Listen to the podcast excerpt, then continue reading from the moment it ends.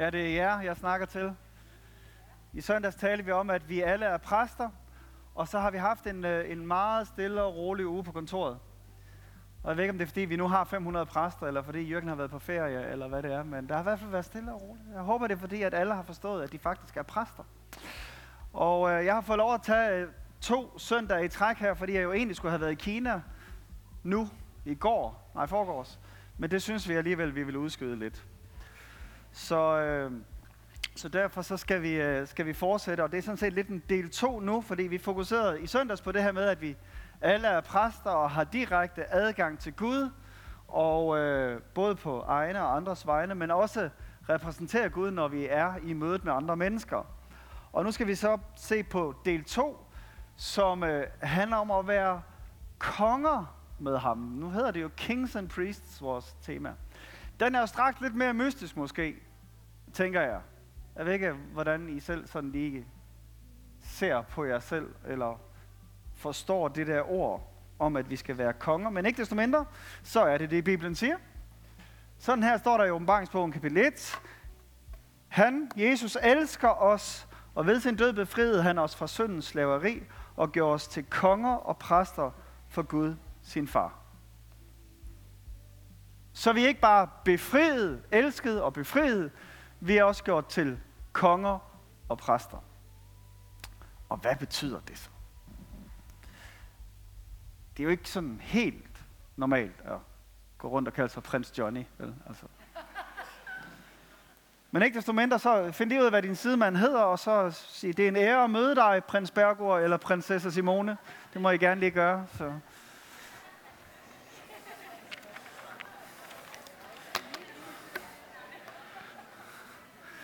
Fordi det må jo være sådan et eller andet, der ligger i det, ikke? Lad os prøve at kigge på det. Øh, lidt som vi gjorde sidst i forhold til det at være præst. Hvad er det egentlig, Bibelen siger om det at være konge? Hvad er kravene til at kunne være konge? Og hvad er en konges funktion, når vi kigger på det sådan rent bibelsk set? Og nu kan man sige, at i mange andre lande, der er det jo langt væk, men i Danmark ved vi jo godt nogenlunde, hvad det er at være dronning og konge. Øh, og det ligger ikke nødvendigvis så langt fra, hvordan det var på Bibelens tid. Men lad os lige kigge lidt på det. For det første skulle man være født til det selvfølgelig. Man skulle i hvert fald være født i den rigtige slægt. Man skulle være fra landet selv. Der var ikke en udlænding, der kunne blive konge i Israel. Man skulle være fra Israel, og man skulle være født til det, og man skulle egentlig også helst være førstefødt. Ikke? Den første. Man skulle samtidig være udvalgt, fordi faktisk er der adskillige gange i det gamle testamente, hvor det ikke er den første fødte, der bliver regent. Men hvor Gud ligesom intervener og siger, nej, det er ham her, der skal lede, i stedet for ham her. Øh, ja, man skulle også være mand selvfølgelig, ikke? Så skulle man salves til det. Det vil sige, at der vil typisk komme en eller anden profet, som Gud havde sagt, det er nu, ham her skal være konge. Så vil profeten komme og hælde olie ud over hovedet på den, for ligesom at indikere, at nu var de sat til side til, helliget, den der udvælgelse, den øh, den blev tydelig og offentlig for hver. Det var ligesom tegnet fra Gud. Og så skulle de være ledt af Guds ånd, og det er som ofte det, der så skete bagefter, at så kommer Guds ånd over den på en eller anden måde. Det kan vi læse hele vejen igennem dommerbogen og kongebogen, at, at der sker et eller andet der, at Guds ånd kommer over dem. Der står om David, fra den dag greb Herrens ånd David. Fedt udtryk, ikke? Fra den dag greb Herrens ånd David. Om Gideon står det sådan endnu mere vildt. Der står, at der iklædte Herrens ånd sig Gideon. Altså, så, så, så, så Helligånden tog ligesom Gideon på. Så der, er en helt, der, der sker et eller andet der, når de tre hænger sammen. Ikke? De bliver udvalgt, de bliver salvet, og så tager Guds ånd ellers fat i dem. Og det var ligesom kravet for at være konge. Øh, fordi deres funktion var at regere på Guds vegne. Det er bund og grund det der, det at være konge i Bibels forstand, det er, at du er Guds stedfortræder. Du reagerer på Guds vegne. Og det var ikke bare sådan i Israel, sådan var det jo i hele Mellemøsten. De var jo nærmest sådan små guder. De var der som repræsentanter for Gud i det land, de nu var i. Og sådan var det også i Israel. Øh, de skulle forstå og videregive Guds ord. Skulle lære loven, sikre, at landet overholdt loven, ellers så gik det galt. De skulle selv være lydige mod Guds ord, Og vi ser hele vejen igennem kongebøgerne, hvordan så er den ene konge, han følger det, og så går det rigtig godt for landet, og den anden konge, næste konge følger så ikke, hvad Gud har sagt til dem, og så går det dårligt for landet. Og det, det går sådan en pendul hele vejen igennem det gamle testamente. Så skulle de gøre godt for folket selvfølgelig. Landet skulle have fremgang. Det er jo kongens opgave at sørge for, at landet får fremgang. Faktisk så er der en klar betegnelse i, eller bestemmelse i, det, i, i Mosebøgerne om, at kongen ikke selv måtte samle sig rigdomme, og ikke selv måtte have mange hustruer og mange heste. Så næsten i sammensætning, ikke? Øh, det, hvis vi så læser senere hen og ser om nogle af de store konger, David og Salomo, så var det lige præcis det, de gjorde. Masser af penge og masser af koner, men det gik jo så også galt for dem, på grund af de to ting faktisk. Og endelig så skulle de, eller ikke endelig, men næst sidst, de skulle bekæmpe fjenden og etablere fred, altså sørge for, at der er fred inden for landet, og hvis der er nogen, der angriber, skal det selvfølgelig så fjenden, fjenden tilbage. Og så skal de øve retfærdighed og dømme. Og der er Salomo jo det helt klassiske eksempel, hvor Gud giver ham egentlig, hvad han vil have, og siger, hvad er det, du vil? Sig, hvad du vil have. Og så siger han, jeg vil gerne have visdom til at dømme. Gerne have visdom, fordi jeg har ansvaret for hele det her folk. Hvordan skal jeg kunne klare det? Jeg har brug for visdom. Og så siger Gud, det var ret godt øh, valgt det her, så nu får du både visdommen og rigdommen og alle de andre ting. Så konge på Bibels tid, der er de her krav, der er de her funktioner i det. Så det kan vi jo så, det kan du sidde og grunde lidt over, når der så står, at vi skal være konger, har det noget med det her at gøre, eller hvad? Men lad os, ligesom vi gjorde med præster, lige tage det store overview. Hvad var Guds oprindelige tanke? Fordi er det her bare sådan et eller andet, øh, der kommer ind i åbenbaringsbogen, eller hvad? Nej, det er der fra allerførste kapitel. Vi er skabt til at regere. Der bliver sagt til de første mennesker, bred jer ud over hele jorden og tag den i besiddelse. Hersk over fiskene, fuglene og alle de andre dyr på jorden. Og i kapitel 2, Gud Herren tog mennesker og satte ham i Edens have, for at han skulle dyrke og vogte den. Så Guds oprindelige ord til mennesket, før søndefald og alt muligt andet, det er det her. Og det er faktisk nogle rimelig hæftige ord, de her. Tag den i besiddelse, underlæg jer den. Det betyder at bringe nogen eller noget under kontrol. At bringe nogen eller noget under kontrol.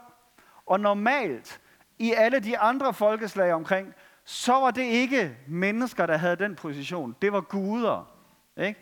Der var en Gud for træerne, der var en Gud for solen, der var en Gud for vandet, der var en Gud for jorden, der var en Gud for hver eneste af de her naturelementer i alle de andre religioner. Men her i Bibelens fortælling, der er det mennesket, der får den der. Hele jorden. Tag den i besiddelse. Bring den under kontrol. Og så står der, at man skal herske over den. Også et meget kraftigt ord, som, som har noget at gøre med, at du har fået skænket en autoritet. Så, så budskabet her er, at vi er Guds repræsentanter igen. Øh, Salme 8 siger, at du har skabt mennesket kun lidt ringere end det guddommelige, eller kun lidt ringere end englene. Har givet det kongelige ære og værdighed. Du gav mennesket ansvar for dit skaberværk.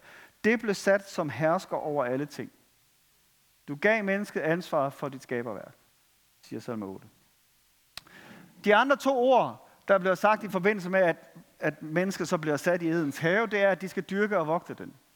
Og de der ord for dyrke og vogte kan betyde lidt forskellige ting, men i hvert fald så er det de samme ord, som bliver brugt om det, levitterne gør i deres præstetjeneste.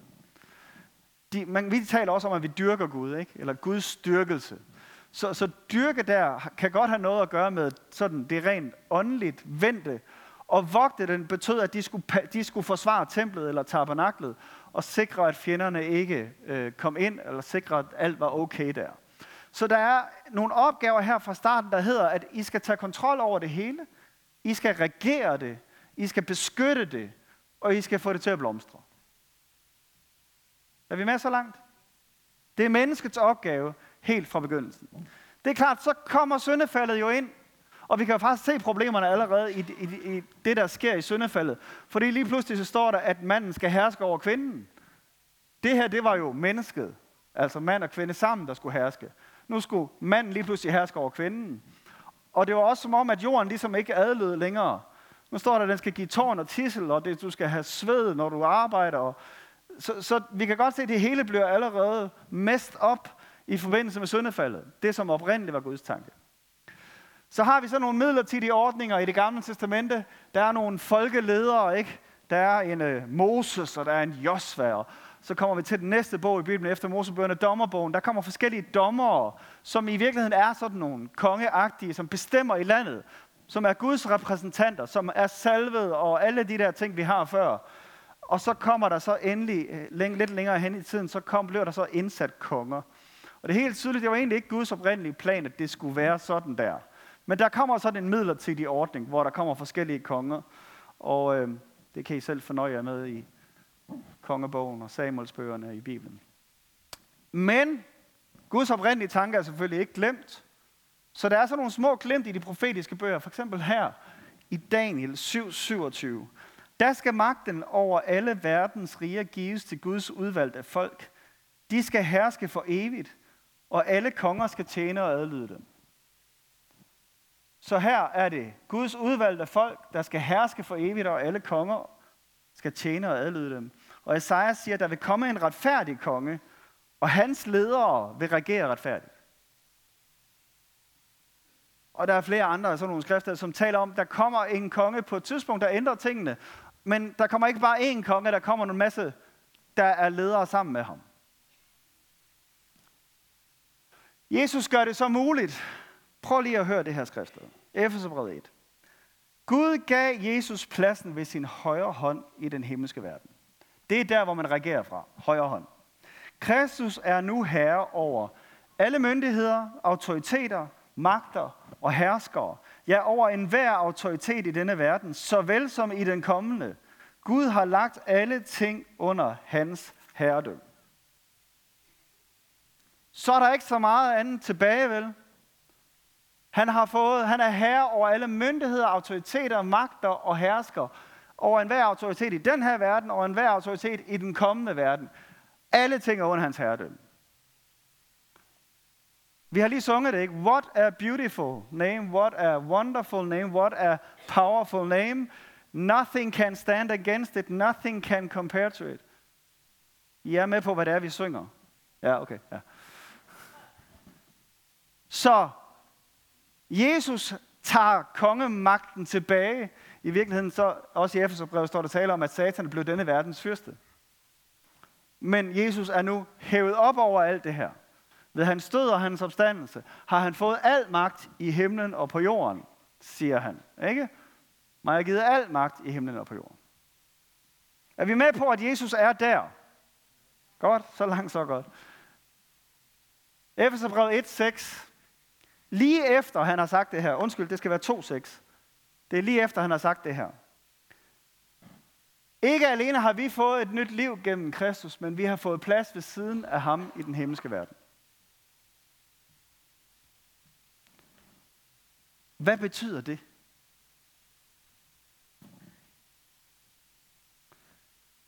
Ja, hvad betød det, at Jesus havde fået plads ved siden af faderen, ved faderens højre hånd? Det betød, at det var derfra, han regerede fra tronen. Og nu siger Paulus, han har al magt i himlen og på jorden, over alle magter og myndigheder, og I sidder der sammen med ham. I sidder der sammen med ham. Men jeg sidder der her. Ja, men du sidder også der i den åndelige verden. Sammen med ham. Over, det vil sige over alle magter og myndigheder over alt, hvad der nævnes kan. Og derfor så kan åbenbaring 1.6 sige, at han har gjort os til konger og præster. Det er sådan en, der nok skal synke lidt ind, ikke?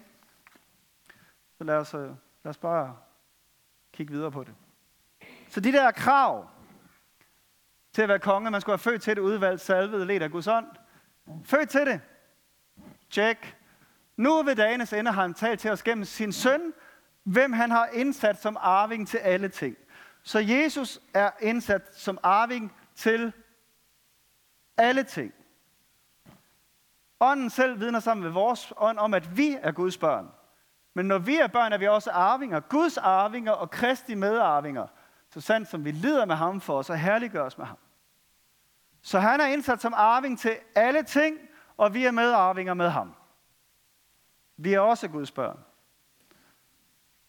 Og vi er en menighed af første fødte, som er indskrevet i himlen. Så tjek, yes, vi er født til det. Udvalgt, tjek. Det er ikke jer, der har udvalgt mig, men mig, der har udvalgt jer, siger Jesus. Salvet, tjek, den havde vi sidste søndag, men I bliver i den salve, I har fået fra ham. Og ledet af Guds ånd, Ja, alle som øh, bliver ledt af Guds ånd, af Guds børn. Det er det, der sker på pinsedag. Guds ånd kommer over alt kød. I det gamle testamente har Guds ånd været over nogle få, nogle enkelte, nogle profeter, nogle konger til bestemte opgaver, og pludselig så står der, nu kommer Guds ånd over alt kød. Det vil sige, hver eneste, der tager imod ham, får Guds ånd, og er dermed kvalificeret også til at være konge. Kraften til tjeneste. Apostlenes gerne 1.8 siger, når ånden kommer over, jeg skal få kraft til at være mine vidner. Så udrustningen til at være konge følger med der. Så vi er født til det, vi er udvalgt til det, vi er salvet til det, og vi er udrustet til det. I tror det ikke helt, kan jeg godt høre, ikke? Ved I hvad, hver, næsten hver søndag, så kommer nogen hen og siger, jeg har sådan lyst til at råbe amen eller halleluja. Men de tør ikke, fordi alle andre sidder og kigger på den. Eller også er det bare, fordi vi ikke helt forstår det. Måske. Godt, så, så det var... Ja, okay. Funktionerne. Det kan godt være, at vi sådan kan sige, jamen der er der nogle steder i Bibelen, der taler om, at vi, er, vi ligesom er kravene, dem opfylder vi. Hvad så med funktionerne? Hvad med det her, en konge skulle gøre? Står der noget i Bibelen om, at vi skal gøre det? Ja, Forstå og videregive Guds ord. Lad Kristi ord få lov til at fylde meget i jeres liv, så I kan undervise og vejlede hinanden med visdom. Selv vær lydig mod Guds ord, ja. Hvis I bliver i mig og handler på mine befalinger, så bed om, hvad I vil, og det vil ske. I skal gøre godt for folket. Hmm, ja, Gud har, efter han har sagt, at vi sidder i himlen, så siger han sådan her i Efeserbrevet 2. Gud har gjort os til det, vi er. Gud har gjort os til det, vi er. Vi er nye skabninger i Jesus Kristus, så vi kan gøre de gode gerninger, som Gud i forvejen har lagt til rette for os. Masser af skriftsteder med det her i virkeligheden. Øh, 2. Peter siger, det er Guds vilje, at I med jeres eksemplariske levevis skal lukke munden på dem, som kommer med uovervejede beskyldninger imod jer. Selv når de gudløse taler ondt om jer, skal I opføre jer godt og prisværdigt over for dem, så de må blive tiltrukket ved, at I agter jeres gode liv og gerninger. Og Jesus siger i Matthæus 5, på samme måde skal I lade det lys, I har, skinne for folk, så de kan se det, at det, I gør, er prisværdigt. Så vil de give jeres far i himlen ære. Vi er tjenere, ministers, ministre. Ordet ministre kommer af det engelske minister, som betyder at være en tjener. Vi er der for at tjene. Jesus siger det sådan her i Matthæus 20. Han kaldte dem sammen og siger sådan her. I ved, hvordan magthaverne i denne verden holder af at herse og hunse med folk. Det er den hverdagsdanske her. Og hvordan de store nyder at vise deres magt over for de små. Sådan må det ikke være hos jer. De, som gerne vil være store og betydningsfulde blandt jer, skal være tjenere for alle de andre. Menneskesønnen kom jo heller ikke for at lade sig betjene, men for selv at tjene og for at give sit liv som løsesum, for at mange kunne blive sat fri. Så, så hele vores kaldelse er til at gøre godt og tjene. Hvad er så det der med at bekæmpe fjenden og etablere fred? Jo. Jesus siger sådan her til hans disciple, jeg har givet jer magt til at træde på slanger og skorpioner. Jeg har magt over hele fjendens her, og han vil ikke kunne skade jer. Det er altså ret store ord. Jeg har givet jer magt over hele fjendens her, og her snakker vi fjender i den åndelige verden. Her snakker vi satan, dæmoner. Jeg har givet jer magt over hele fjendens her. Skal vi ikke snakke en masse om dæmoner, men nogle gange så bliver vi bange, når vi støder på sådan noget som dæmoner. Folk, der skriger og sådan noget. Dæmonerne skriger, fordi de er bange fordi du har autoritet over hele fjendens her, og han skal slet ikke kunne gøre dig nogen skade. Så satan imod fast i troen, så vil han flygte fra jer. Han har ingen autoritet overhovedet, fordi jeg sidder med Jesus i det himmelske, hvor han sidder og har al autoritet og magt over enhver magt og myndighed. Alt er lagt under ham, og jeg sidder der sammen med ham. Så derfor så skriger de måske, når de møder os. Derfor så møder dæmonerne Jesus og siger, ja, jeg kan ikke holde ud at være her. Selvfølgelig. Hvad med at øve retfærdighed og dømme? Jamen, øh, prøv lige at se, hvad Paulus han siger her, fordi de har nogle små retssager i menigheden i Korinth. Så siger han her, ved I ikke, at de kristne en dag skal dømme verden? Når I skal dømme verden, skulle I så ikke kunne klare sådanne småsager? En dag skal vi jo dømme englene. Jeg ved ikke, hvad det betyder, men det lyder spændende. Men i hvert fald så er vi allerede nu i gang med at dømme. Han siger, I må godt kunne dømme internt. Hvorfor, hvorfor fører I retssager mod hinanden og tager det ud i, i ret, retten og skal have advokater og sådan noget indover? I har da visdom. I har da dømmekraft. I er jo konger. Så alt det her, som er kongernes funktion, når vi kigger sådan på det i det gamle testamente, det er der masser af skrifter i Bibelen, i det nye testamente, som siger, det er det, I skal gøre. Og det kan vi godt blive lidt opblæst over, ikke? Vi skal bare lige huske, at vi er medregenter. Medregenter. Der står sådan her i åbenbaringsbogen 3.21. Den, der vinder sejr, vil jeg gøre til mine medregenter. Og der står et interessant vers i 1. Johannes 4.17, der står, for som han er, er også vi i den her verden. Det er faktisk et ret vildt vers, ikke? Som han er, er også vi i den her verden. Jesus siger, da han, efter han er opstået og møder disciplene, så siger han, som faderen har udsendt mig, sender jeg også jer. Som faderen har udsendt mig, sender jeg også jer. Kolossenserbrevet siger, hvad end I gør i ord eller gerning, gør det alt sammen i Herren Jesu navn, og sig Gud Fader tak ved ham. Og gør det i Jesu navn, er, som jeg sagde i søndags, ikke at slutte af med at sige i Jesu navn. Det, det er ikke sådan en uh, trylleformular til sidst. Hokus pokus, og så sker der noget.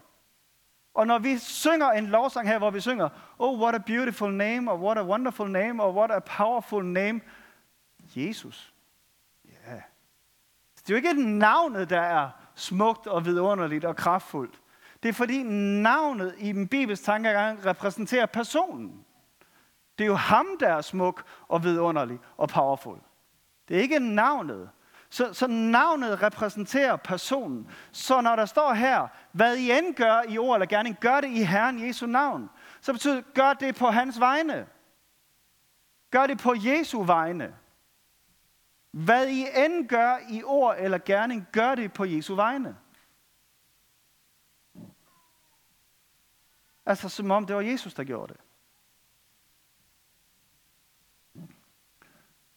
Det er ikke jer, der har udvalgt mig, men mig, der har udvalgt jer. Jeg har sat jer til at gå ud og bære frugt, og det skal være en varig frugt, så min far kan give jer alt, hvad I beder ham om i mit navn. Det siger jeg, at de, der tror på mig, skal gøre de samme under, som jeg har gjort. Ja, de skal gøre endnu mere, for jeg er på vej til faderen. Hør godt efter. Det er altid, når Jesus siger, hør godt efter, så er det en idé at høre godt efter. Hvad I end beder om i mit navn, det vil jeg gøre. Igen, i mit navn, på mine vegne, der hvor I opererer, som jeg vil have opereret, der hvor I er der som stedfortræder for mig, som min medregent i en situation, der vil jeg selvfølgelig gøre det, fordi I er der på mine vegne. I er der for at fortsætte det, jeg var i gang med at gøre. Er jo i virkeligheden det, han siger her.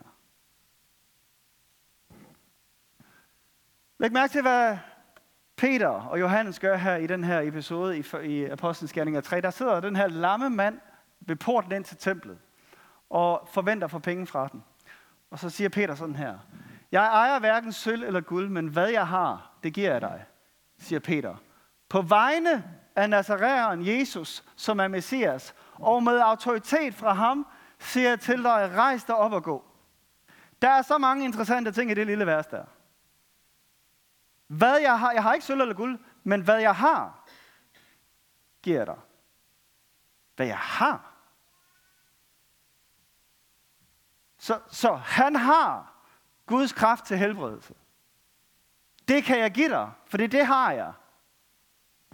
På vegne af Jesus. Med den autoritet, jeg har fået fra ham, siger jeg til dig. Ikke på Peters vegne, ikke med min autoritet, men med hans autoritet. På hans vegne siger jeg dig, rejs dig og gå. Så er der noget andet power bagved jo, ikke? Så er det ikke lille Peter, der kommer her. Så er det prins Peter, der kommer der med sin storebror Jesus og siger, rejs dig og gå. Og så det her fantastiske vers i 1. Korintherbrev 2.12, hvor der står sådan her. Vi har ikke fået verdens ånd, men ånden fra Gud, for at vi skal vide, hvad Gud i sin nåde har givet os. Guds ånd er der for at fortælle os om alt det, han allerede har givet os. Jesus siger, at Helligånden skal komme og minde jer om alt det, jeg har sagt. Helligånden skal tage mit og give til jer. Så, så Helligåndens opgave er der hele tiden at fortælle os, hey, du har også det her, du har også det her, du kan også det her, du har også det her, du har den her autoritet. Her, kan der, her har jeg lyst til at gøre noget. Vi sang lige, alt dit er mit. Det er jo helt vanvittige ord. Alt dit er mit. Du holder intet tilbage. Alt dit er mit. Men det er Bibelens budskab. Fordi vi er arvinger. Fordi vi er børn. Fordi det er vores identitet at være prinser og prinsesser. Og være konger og medregenter. Så vi har identitet i det, og vi har autoritet på grund af det. Et sidste skrift, jeg tror, I har fået et par stykker nu. Ikke? Øh, jeg tænker bare lige, når Jesus han siger, som faderen sender, har sendt mig, sådan sender jeg også jer. Så bliver vi nødt til lige at tænke tilbage, hvordan var det nu lige, at faderen sendte Jesus? Jamen det gjorde han jo sådan her. Jesus går ind i synagogen og siger, Herrens ånd er over mig, fordi han har udvalgt mig. Så han er salvet og udvalgt. Han har sendt mig for at bringe godt nyt til de afmægtige, forkynde frihed for de fange, give nyt syn til de blinde og rejse dem op, som er blevet trampet ned. Det er en tid, hvor Herren tager imod alle, som kommer til ham. Og det er jo citat fra Esajas, hvor der taler om den her konge, som skal komme og genoprette det hele. Så, og det var det, Jesus gik rundt og gjorde. Men når han så siger, som faderen sendte mig, sådan sender jeg jer, så betyder det jo, at vi er sendt sådan der. Med det, der hedder evangelier. Og evangelier betyder gode nyheder. Så det handler jo om i hver eneste situation, vi står over i vores hverdag, at sige, hvad er de gode nyheder for det menneske, jeg står overfor? Og så handle på Jesu vegne. Ikke ved at sige i Jesu navn og håbe på en magisk løsning, men ved at forstå, at vi er kongebørn. Ved at forstå, at jeg sidder i det himmelske. Så jeg er over den her situation. Jeg har det godt under omstændighederne. Nej, jeg er ikke under omstændighederne. Jeg er over omstændighederne, fordi jeg sidder med Jesus i det himmelske. Det er det der med at få et perspektiv fra det, hvor jeg ikke kigger ned fra bjerget, men at jeg har helikopterview og kan se, hvor lille det bjerg er fra Guds side. Når Gud ser på det, så er det problem, som er kæmpe for mig, er måske bare en lille plet på kortet. Så det der med at forstå, at ikke alene så sidder jeg der, men jeg har hele hans backing. Det er faktisk det, der var hele hans tanke. Han siger, det er det bedste for jer, at jeg går bort. For når jeg går bort, så kommer Helligånden, og Helligånden skal tage alle de her ting, minde jer om det, og så vil jeg stadfæste det, når I går ud. Og jeg ved godt, det kan være sådan en lille smule flyvsk og svært at forstå det her emne, fordi det er så stort. Men, men jeg synes bare ikke, man kan sådan... Vi kan ikke bortforklare det, Bibelen siger. Og Bibelen er så tydelig med at sige, det er der, vi sidder. Det kan godt være, at jeg oplever min situation lige nu her, som om jeg ikke er særlig meget konge i mit liv. Som er om, jeg ikke har særlig meget autoritet, eller en identitet som en prins eller en prinsesse. Men det har du. Og det handler om at finde ind til den autoritet. Det handler om, at vi forstår, at vi er hans børn, og forstår, at vi er sendt ud på hans vej. Yes, lad os bede sammen. Lovsanger, kom op, og så lad os Lad os synge den der igen, vi startede med. Lad os bede sammen. Far i himlen, tak fordi at dit ord, tak at du har kaldet os til at være konger med dig. Tak at du er kongernes konge. Og tak at vi kan få lov til at være en del af dit råd. Og her jeg beder om, at du den her formiddag vil øh, virkelig lade det bundfælde sig i os, Herre, at vi er dine børn. At vi er udvalgt og elskede. Men også, at vi har en opgave. Tak, Herre, at vi kan få lov til at være medregenter med dig. Tak, at vi kan få lov til at gøre godt. Få lov til at hjælpe der, hvor der er ting, der skal dømmes. Få lov til at udbrede dit ord får lov til, at der kommer godt, nyt syn til blinde. Håb, hvor der er modløshed. Her jeg beder om, at vi må være et folk, som er repræsentanter for kongernes konge. Og her der, hvor vi ikke oplever det i vores egne liv, så beder jeg dig om lige nu her, at du griber ind og lader sandheden sætte fri. Her løfter os op af det, vi er i, og hjælp os at se, hvem vi er i dig. Og tak, at vi øh, kan leve både i en åndelig verden og en forståelse af, hvem vi er, men også helt praktisk med handlinger, godgørenhed, visdom og alt det, som du har givet os. Hjælp os her.